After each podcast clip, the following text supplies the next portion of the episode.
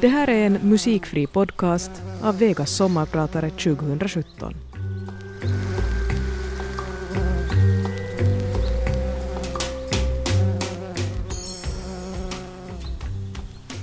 Jag hatar regler. Jag tror på individualism, på olika synvinklar och att alla har rättighet till sin åsikt. Jag heter Marianne Miettinen.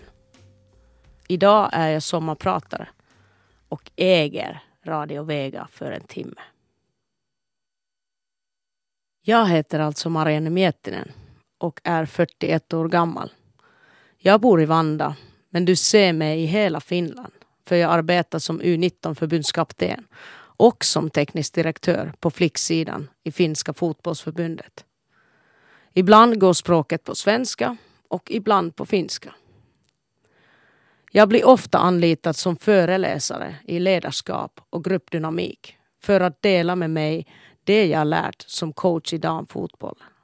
För att få ett gäng individuella spelare att bli det bästa de kan som ett team kräver inte bara kunskap om fotboll. Jag har blivit golvad rejält och det har gjort mig ödmjuk. En egenskap som kanske inte hade så mycket som yngre. Att coacha andra har lärt mig mycket om livet. Jag har bland annat lärt mig att inte bara lita på mig själv utan även att ta idéer av andra. Ibland upprör jag det finska fotbollsfolket bara för att jag är en kvinna. Som då jag i fjol var kommentator i fotbolls-EM i Yle. Som jag fick mycket tack för, men också mycket ris. Det var never heard of att en kvinna skulle kunna kommentera herrfotboll på proffsnivå. Inte i Finland i alla fall. I Sverige fanns den här diskussionen för tio år sedan. Kuopio, min födelsestad, har präglat min livsfilosofi. Det är också Aulis Rytkynens stad. Den första finska proffsspelaren genom tiderna i en utländsk klubb, franska Toulouse. Kuopio har en egen fotbollsfilosofi. Elää laakase, naatitaan. Skjut inte, vi njuter istället. Och den filosofin rinner i mitt blod för evigt. Jag är född i en fotbollsfamilj. Min pappa spelar fotboll i Koparit och min första LP-skiva var deras pepplåt. Koparit korjaa potin. Jag lärde mig sparka boll innan jag kunde gå. Fotbollen var aldrig bara en hobby. Det var och är fortfarande en livsstil. Jag var en helt okej okay spelare. Spelade mest på innermittfältet. En dirigent som byggde spelet. Jag var nästan som spelande tränare redan när jag var ung. Styrde andra spelare på planen och hade en egen uppfattning om hur spelet ska se ut. Jag tränade mycket på min egen tid. Såg mycket fotboll från tv. Premier League, alltid på lördagarna. VM 82 är den första VM som jag kommer ihåg. Jag var helt såld på brasilianskors teknik. Såg deras matcher på video gång på gång. Sen gick jag ut och tränade samma finter och tricks som de hade gjort. Och på grund av egen träning var jag en teknisk spelare. Det var kanske därför som tränarna satt mig på mittfältet. Det var kanske också för att jag såg så mycket på fotboll och lärde mig av min pappa som min spelförståelse var bra. Och det är en viktig egenskap på mittfältet. I centrum av spelet. Jag var inte den lättaste spelaren för tränaren. Mentalt. Jag var så ivrig att bli en bra fotbollsspelare att jag krävde mycket av mig själv. Men lika mycket av andra spelare. Och av tränaren. Jag kommer ihåg en träning med Dickosby bollklubben när jag var typ 12 år gammal. Vi hade en väldigt trevlig tränare, men inte så erfaren och kunnig. En ung kvinna som verkligen försökte sitt bästa med oss. Jag tyckte inte att övningen var bra och klättrade på målet istället. Jag satt där på ribban och skrek. Jag kommer ner genast när träningen blir bättre. Usch, det där lät inte bra. Jag har varit så svår. Stackars tränaren. Om du lyssnar på det här Tina, förlåt. Men jag ville inte vara elak. Jag tog det bara på allvar och ville bli bättre. Därför blev jag frustrerad när det inte funkade. Jag tror att min egen bakgrund har påverkat mot mitt ledarskap. Jag förstår bättre lite svåra spelare och kan hantera dem på det sättet som jag skulle själv bli velat hanterad. Jag började min tränarkarriär när jag var 15 år gammal. Jag spelade samtidigt i HJK men var en assisterande tränare i tips för 11-åriga flickor. Även om jag är en avslappnad människa på fritiden, mentalitet från Savolax, det är inte så allvarligt. Det kommer att lösa sig. Så är jag väldigt noggrann när det gäller planering. Redan som en 15-åring planerade jag träningarna noggrant. Samtidigt var jag instruktör till mig själv och ställde frågor som vad kan gå fel? Om det inte funkar, vad kan jag förändra? Vilka regler ska jag använda i spelet så att det fungerar? Och så vidare. Detsamma gör jag fortfarande. Men nu använder jag min ledarstab som ett bollplank. Diskussioner med andra ger mer en diskussion med sig själv. Man kan lära och få nya idéer av andra. Den tiden pågick två år. Men sen blev jag upplyft i HJKs damlag som spelare och hade inte tid för tränarrollen längre. Inte förrän 96. Då slutade jag spela karriären som 21-åring och började en fantastisk resa. En resa som har tagit mig från toppen till botten. Genom Dalarna, tillbaka till bergstoppen. Inte till någon Himalaya. Inte ännu i alla fall. Men till min egen bergstopp. Resan har tagit mig till olika länder, till olika kulturer. Men resan har först och främst tagit mig till min egen själ. Jag har nu varit fotbollstränare i 23 år och från och med 2009 heltidsanställd. Först huvudtränare i Sibbovargarna i division 1. Sen en assisterande tränare i Dickosby bollklubben i FM-serien. Sen tränare ett år i Borens IK i division 1 i Sverige. När jag kom tillbaka från Sverige 98 blev jag träningschef för Puistolan Urheilijat. Både för flickor och pojkar.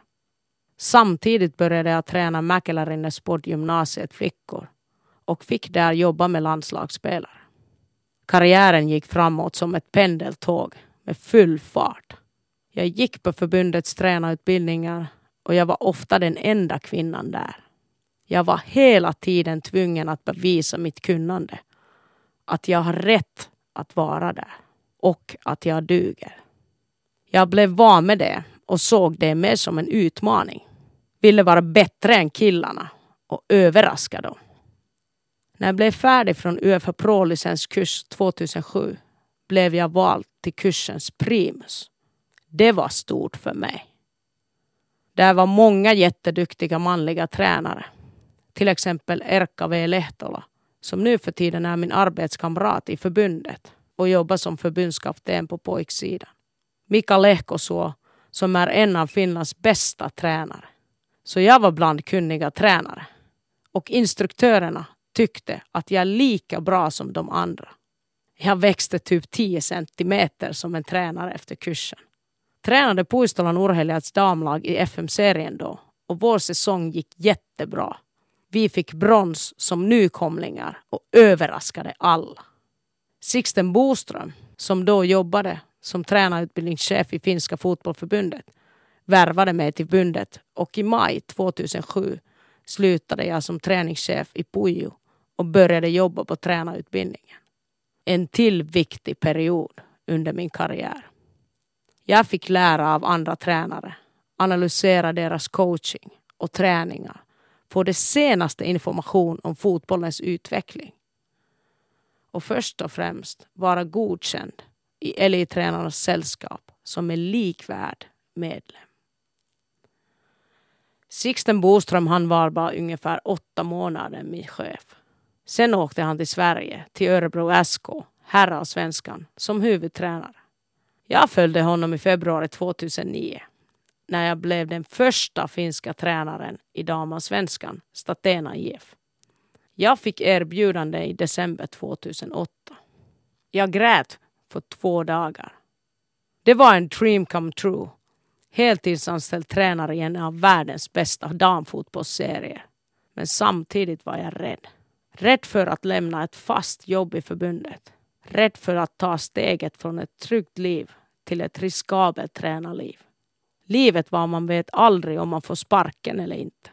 Hur ska man betala banklånet om man blir arbetslös? Jag bad om råd av före detta herrlandslagets huvudtränare Jyrki Heliskoski. Han sa till mig. Åk, ta chansen. Du kommer ångra det om du vågar inte nu för att sådana chanser faller inte i famnen varje dag. Du kommer alltid få jobb från Finland. Var modig. Jag som älskar utmaningar behövde bara det att han sa de orden. Jag sa upp mig själv från förbundet och tackade ja till Statenas offer. Året 2009 växte mig mest som människa och tränare. Tack vare dessa erfarenheter är jag den som jag är idag. Tills dess hade jag tränat med läraren jag fått från tränarutbildningen och av mina egna tränare. Som största agenda, både i gott och ont, har varit min pappa Pauli Miettinen, före detta tränarutbildningschef för Finska fotbollsförbundet. Jag var rebell mot hans auktoritära uppfostringsmetoder redan som barn. Det kom också fram då jag som sexåring gav ett faderskort åt honom med texten till min far som tror att han vet allt. I Statena IF lärde jag mig att fotbollsläraren inte är det enda som behövs för att vara en bra tränare och en bra ledare. Jag fattade att det inte är frågan om tränande utan det handlar också om hur man leder människor. Den säsongen gick åt helvete. Klubben tvingade mig att säga upp mig i augusti när nykomlinglaget hade hamnat i bottenstriden. Jag som hade satsat mycket på att ha teoretisk kunnighet, lärde av de bästa inom förbundet, räckte inte till. När jag ställde frågan, räcker inte min fotbollskunskap? Fick jag svaren av styrelsen i Statena att det inte var problemet, utan mitt ledarskap var från 70-talet äntligen. Det hade de rätt i. Nu åtta år efter det kan man också säga att jag visste bara hälften av det vad jag vet just nu. Så egentligen döljde jag min osäkerhet bakom auktoritet. Jag stack därifrån och var vid en situation vad jag inte visste om jag vill fortsätta som en fotbollstränare. Det var riktigt tuff tid för mig. För första gången i mitt liv hatade jag fotboll. Jag hatade det att jag hade sårat människors känslor med alla förluster. Jag såg hur de blev mindre och mindre och fegare och fegare när självförtroendet försvann. Det gjorde ont i kroppen. Jag kände mig som en dålig tränare, en dålig människa och ville kräva ner mig i en djup grop och aldrig komma ut igen. Jag äger fortfarande Radio Vega och heter Marianne Miettinen. Jag är er sommarpratare idag.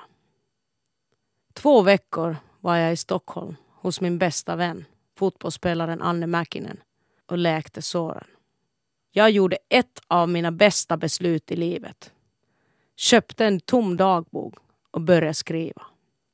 Jag värderade allt jag gjort, vad som gått bra och vill behålla i mitt ledarskap men också allt det jag måste kunna förändra och utveckla.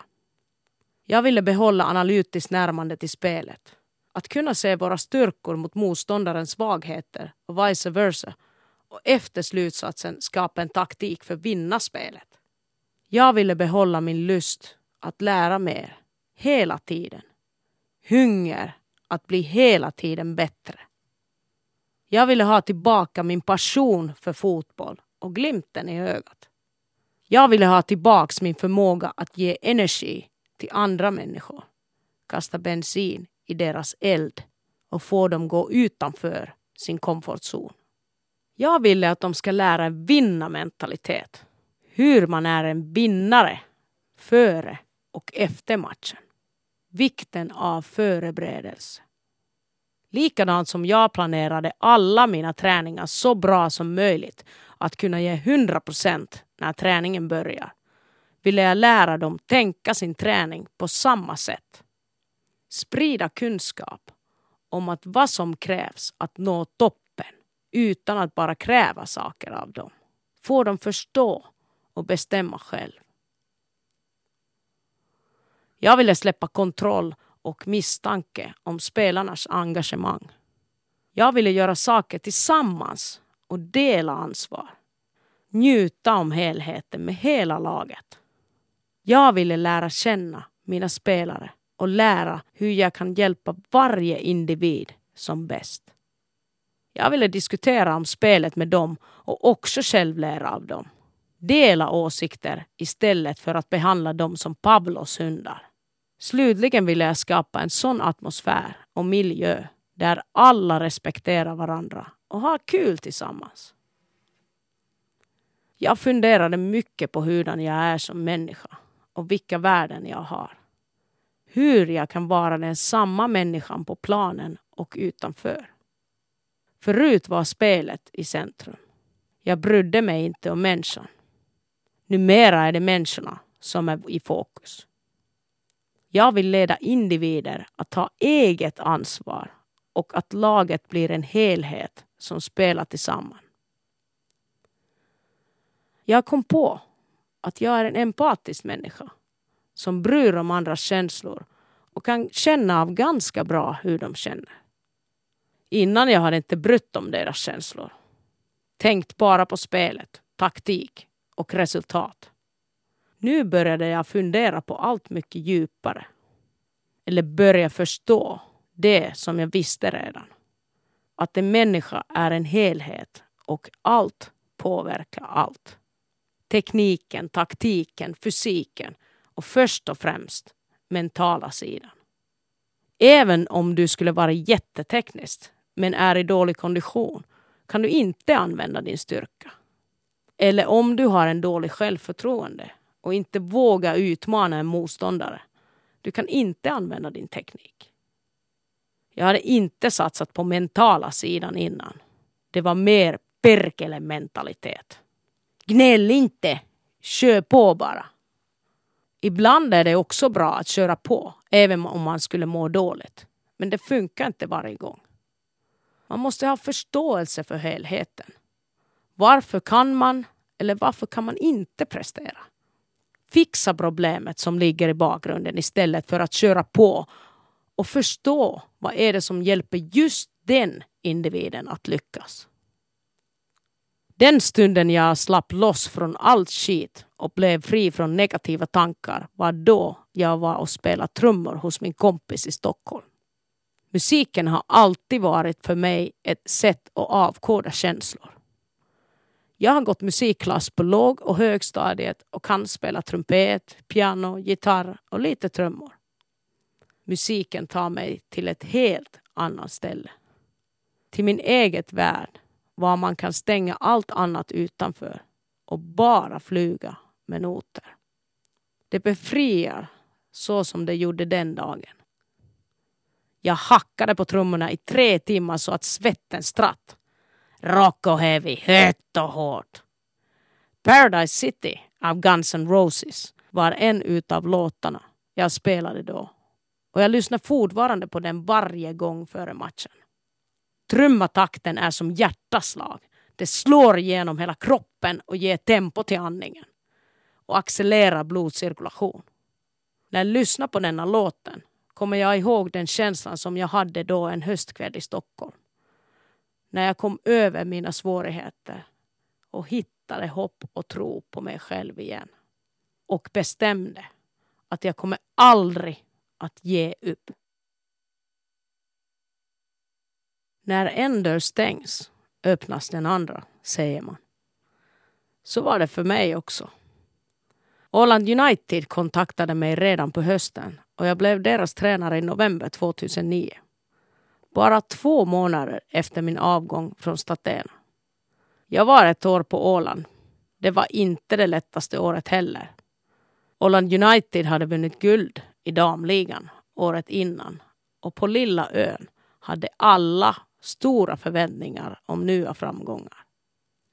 Vi skulle spela Champions League och det var första gången någonsin man skulle höra den hymnen på VHA. Jag var på väg att hitta mig själv igen och var inte alltid säker om mina nya metoder. Spelarna märkte det och det skapade ibland osäkerhet i hela laget. Vi fick inte guld, bara brons. Så ärligt talat gick säsongen okej, okay, men inte jättebra. Men det bästa under den säsongen var att jag träffade en man som lyfte mig med sin förtroende tillbaka till rätt spår. Han hette André Jäglers. Han var då förbundskapten för finska damlandslaget och teknisk direktör på dam och flicksidan. Han ville anställa mig till förbundet. Han såg potential i mig och jag behövde inte fundera länge på det beslutet. Jag blev U18 och U19 förbundskapten i oktober 2010. Och det var det bästa som har hänt till mig hittills under min tränarkarriär. Jag hade själv spelat i U16-landslag men sedan min spelarkarriär hade tagit slut och jag blev tränare hade jag drömt om förbundskaptenposten. Det är fortfarande en rörande stund när vårt land spelas före landskamper. Det är verkligen en stor ära att representera sitt land. Lilla självständig Finland som min morfar krigade för. Så plötsligt efter två svåra år, när jag var nära att sluta min karriär, levde jag min dröm som fotbollstränare. Till min lycka har jag fått de senaste sex och halv år jobba tillsammans med unga vuxna, människor och spelare som är i mitten av utvecklingsfasen. Jag vill hjälpa dem att växa som individer och idrottare får de ta ansvar om sin egen utveckling. Det är viktigt att spelaren känner igen sina egna styrkor och kan och vågar använda dem i spelet. Lika viktigt är det för lagspel att de känner igen varandras styrkor. Då kan de hjälpa medspelaren att lyckas. Min uppgift är att skapa träningar där spelarna lyckas, men också själv ha tålamod att spelarna lyckas och därefter börja stärka varje spelarens styrkor. Då stärks deras självförtroende och då vågar man testa nya utmaningar. Man får vingar och börjar flyga. Till exempel under EM-kvalet går vi igenom videoklipp där spelarna har lyckats. Vi har så ont om tid och bara en vilodag mellan matcherna att jag inte vill visa upp klipp som vi inte har tid att förbättra utan hellre förstärka det vi är bra på. Det är lite annorlunda metod vad jag hade lärt mig under tränarkurser i början av 2000-talet. Då skulle man sätta fokus först på de sakerna som inte funkar. Jag tycker det är viktigt att hur man pratar åt andra. Jag uppskattar inte att man ger order, utan till exempel i lärningssituation försöka ifrågasätta och aktivera spelarna att fundera och hitta lösningarna själv. Såklart kommer det situationer i matcher där tränaren inte har möjlighet att ställa frågor. Men i min filosofi tar jag inte upp det som gått fel, utan vad som bör göras. Om man ser avstånden är för långa tar man bara upp det negativa. Istället bör man säga avstånden mellan linjerna bör vara tätare. I bakgrunden av allt finns en tanke att det här är spelarnas match. Vad jag försöker hjälpa dem att förstå, hitta lösningar, ta ansvar och tro på sig själva och på laget. Det syns också i min feedback som börjar ofta med Vad gjorde du bra? Vad gjorde vi bra? Kroppsspråket är även viktigare än orden. Man kan förstöra allt gott man sagt med ett negativt ansiktsuttryck eller gest. Det är viktigt att vara genuin och också våga visa sina känslor, speciellt positiva. De negativa tankarna och kroppsspråket har jag lärt mig att kontrollera ganska bra. Men visst visar jag dem också vid vissa situationer. En tränare är också en människa, inte en robot. Ibland är det jättesvårt att kontrollera sina känslor. Direkt efter en förlustmatch trycker en reporter en mikrofon framför din ansikte och frågar Varför förlorar ni? Man känner hur det tjudar inom en. Man vill bara gråta och skrika samtidigt eller sen bara springa därifrån. Samtidigt ska man ta hand om sina spelare som är minst lika besvikna och inte lämna dem ensam. Man har varit tvungen att lära sig olika sätt att överleva de situationer och vara korrekt. Vara där för spelarna och sätta sig själv åt sidan. Jag har lärt mig att flytta mina negativa känslor åt sidan för en stund. Och sen när jag bara med ledarna eller med mina nära och kära, då släpper jag ut allt. Jag måste också ha mina stunder när jag får släppa ut allt. Annars blir jag tokig. Jag lärde det 2014 efter U20-VM när jag fick burnout. Kunde inte sova längre. Det finns risker i mitt ledarskap. När man alltid vill ge allt med 100 procent. Man måste komma ihåg att ta hand om sig själv också. För att släppa mina känslor pratar jag ofta med någon kollega eller vän. Ibland går jag ut och löper ut den negativa känslan. Och ibland är det musiken som befriar allt. Vi har så få dagar och träningar under året där hela landslaget är på plats att det är omöjligt för mig att hinna ge feedback personligt åt varje spelare. Därför har jag satsat på att prata med varje spelare varje dag i olika situationer. På flygplatsen, i matkön, före och efter träningar och förstås under mötena. Jag tycker det är viktigt att varje spelare känner sig viktig som en människa. Människovärdet handlar inte om spelaren är i startelva eller inte. Alla står på samma linje som individ. I början av min förbundskaptenkarriär hade jag en lista med spelarnas namn. Genom att märka upp varje gång jag pratade med spelaren höll jag kontroll på att jag tagit hänsyn till hela laget. Nu för tiden har jag mer erfarenhet. Att ge uppmärksamhet åt alla kommer naturligt. En av de viktigaste värden i mina lag är att låta alla vara den de är och respektera olikhet. Jag hade för ett år sedan i U19-landslaget en spelare som var väldigt unik, både som spelare och som människa. I första videomötet satt hon på sista raden, eller med andra ord slöade på sig. Hon såg lat ut och verkade ointresserad. Jag kände hur jag började bli irriterad.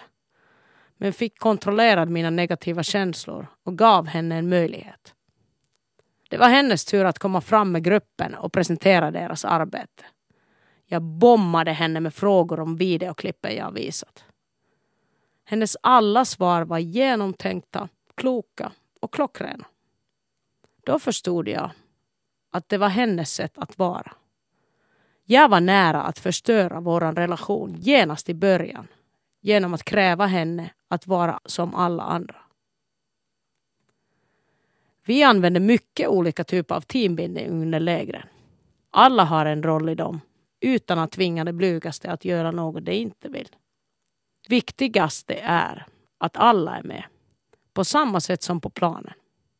Alla får vara den de är och när vi börjar känna varandra bättre vågade steg för steg komma ut från komfortzonen.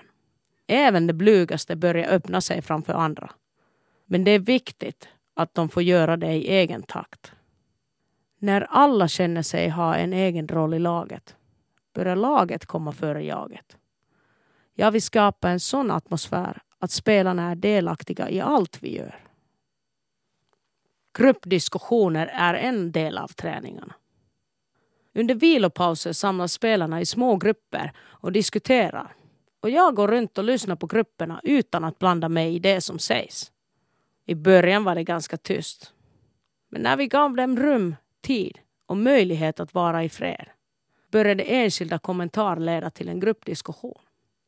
Utmaningen för tränaren är att inte blanda sig i.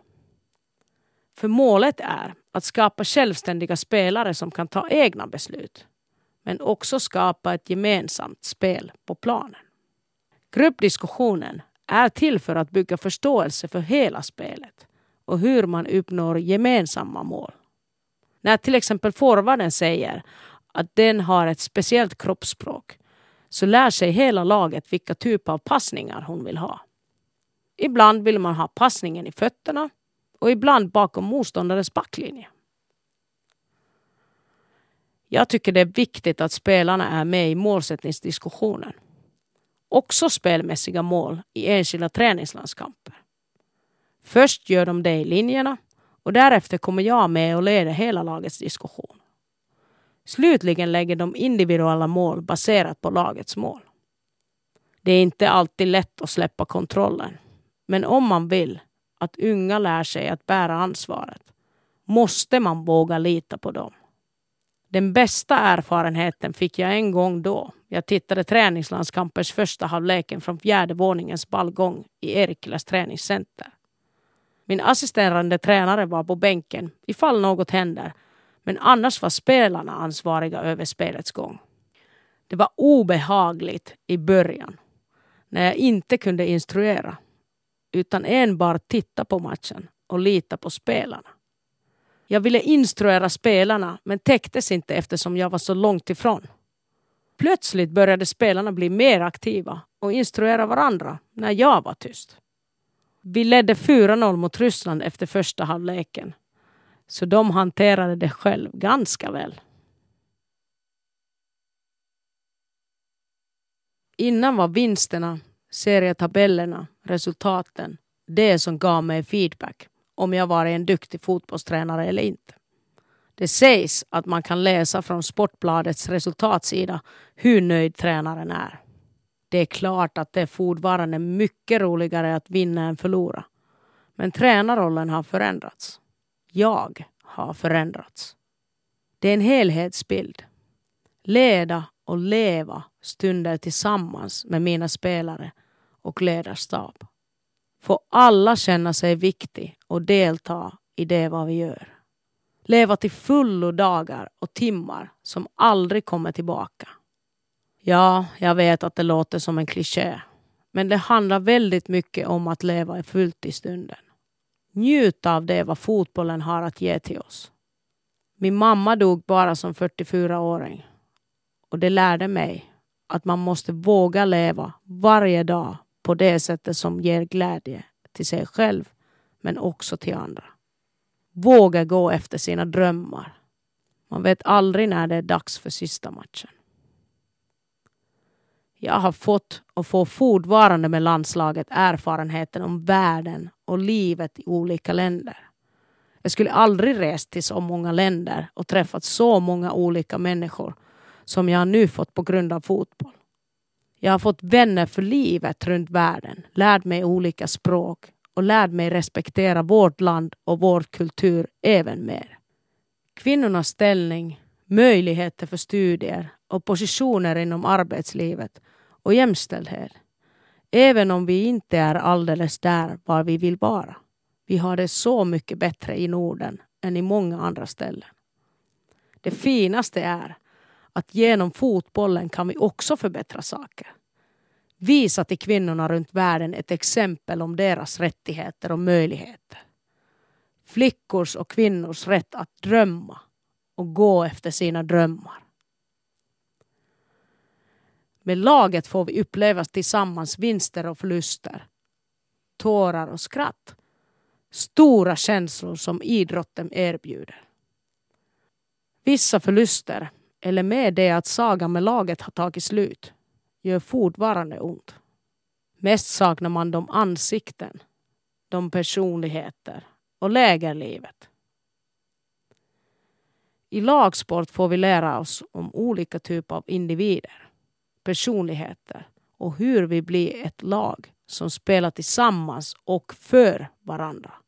Som en tränare är en av de stoltaste situationer när du uppfattar att laget har börjat funka som en enhet och man får vara del av det. Vi får påverka varandras liv och skapa sådana minnen tillsammans som vi kommer aldrig glömma. Det är så jäkla coolt. Jag heter Marianne Miettinen och nu får ni Radio Vega tillbaka.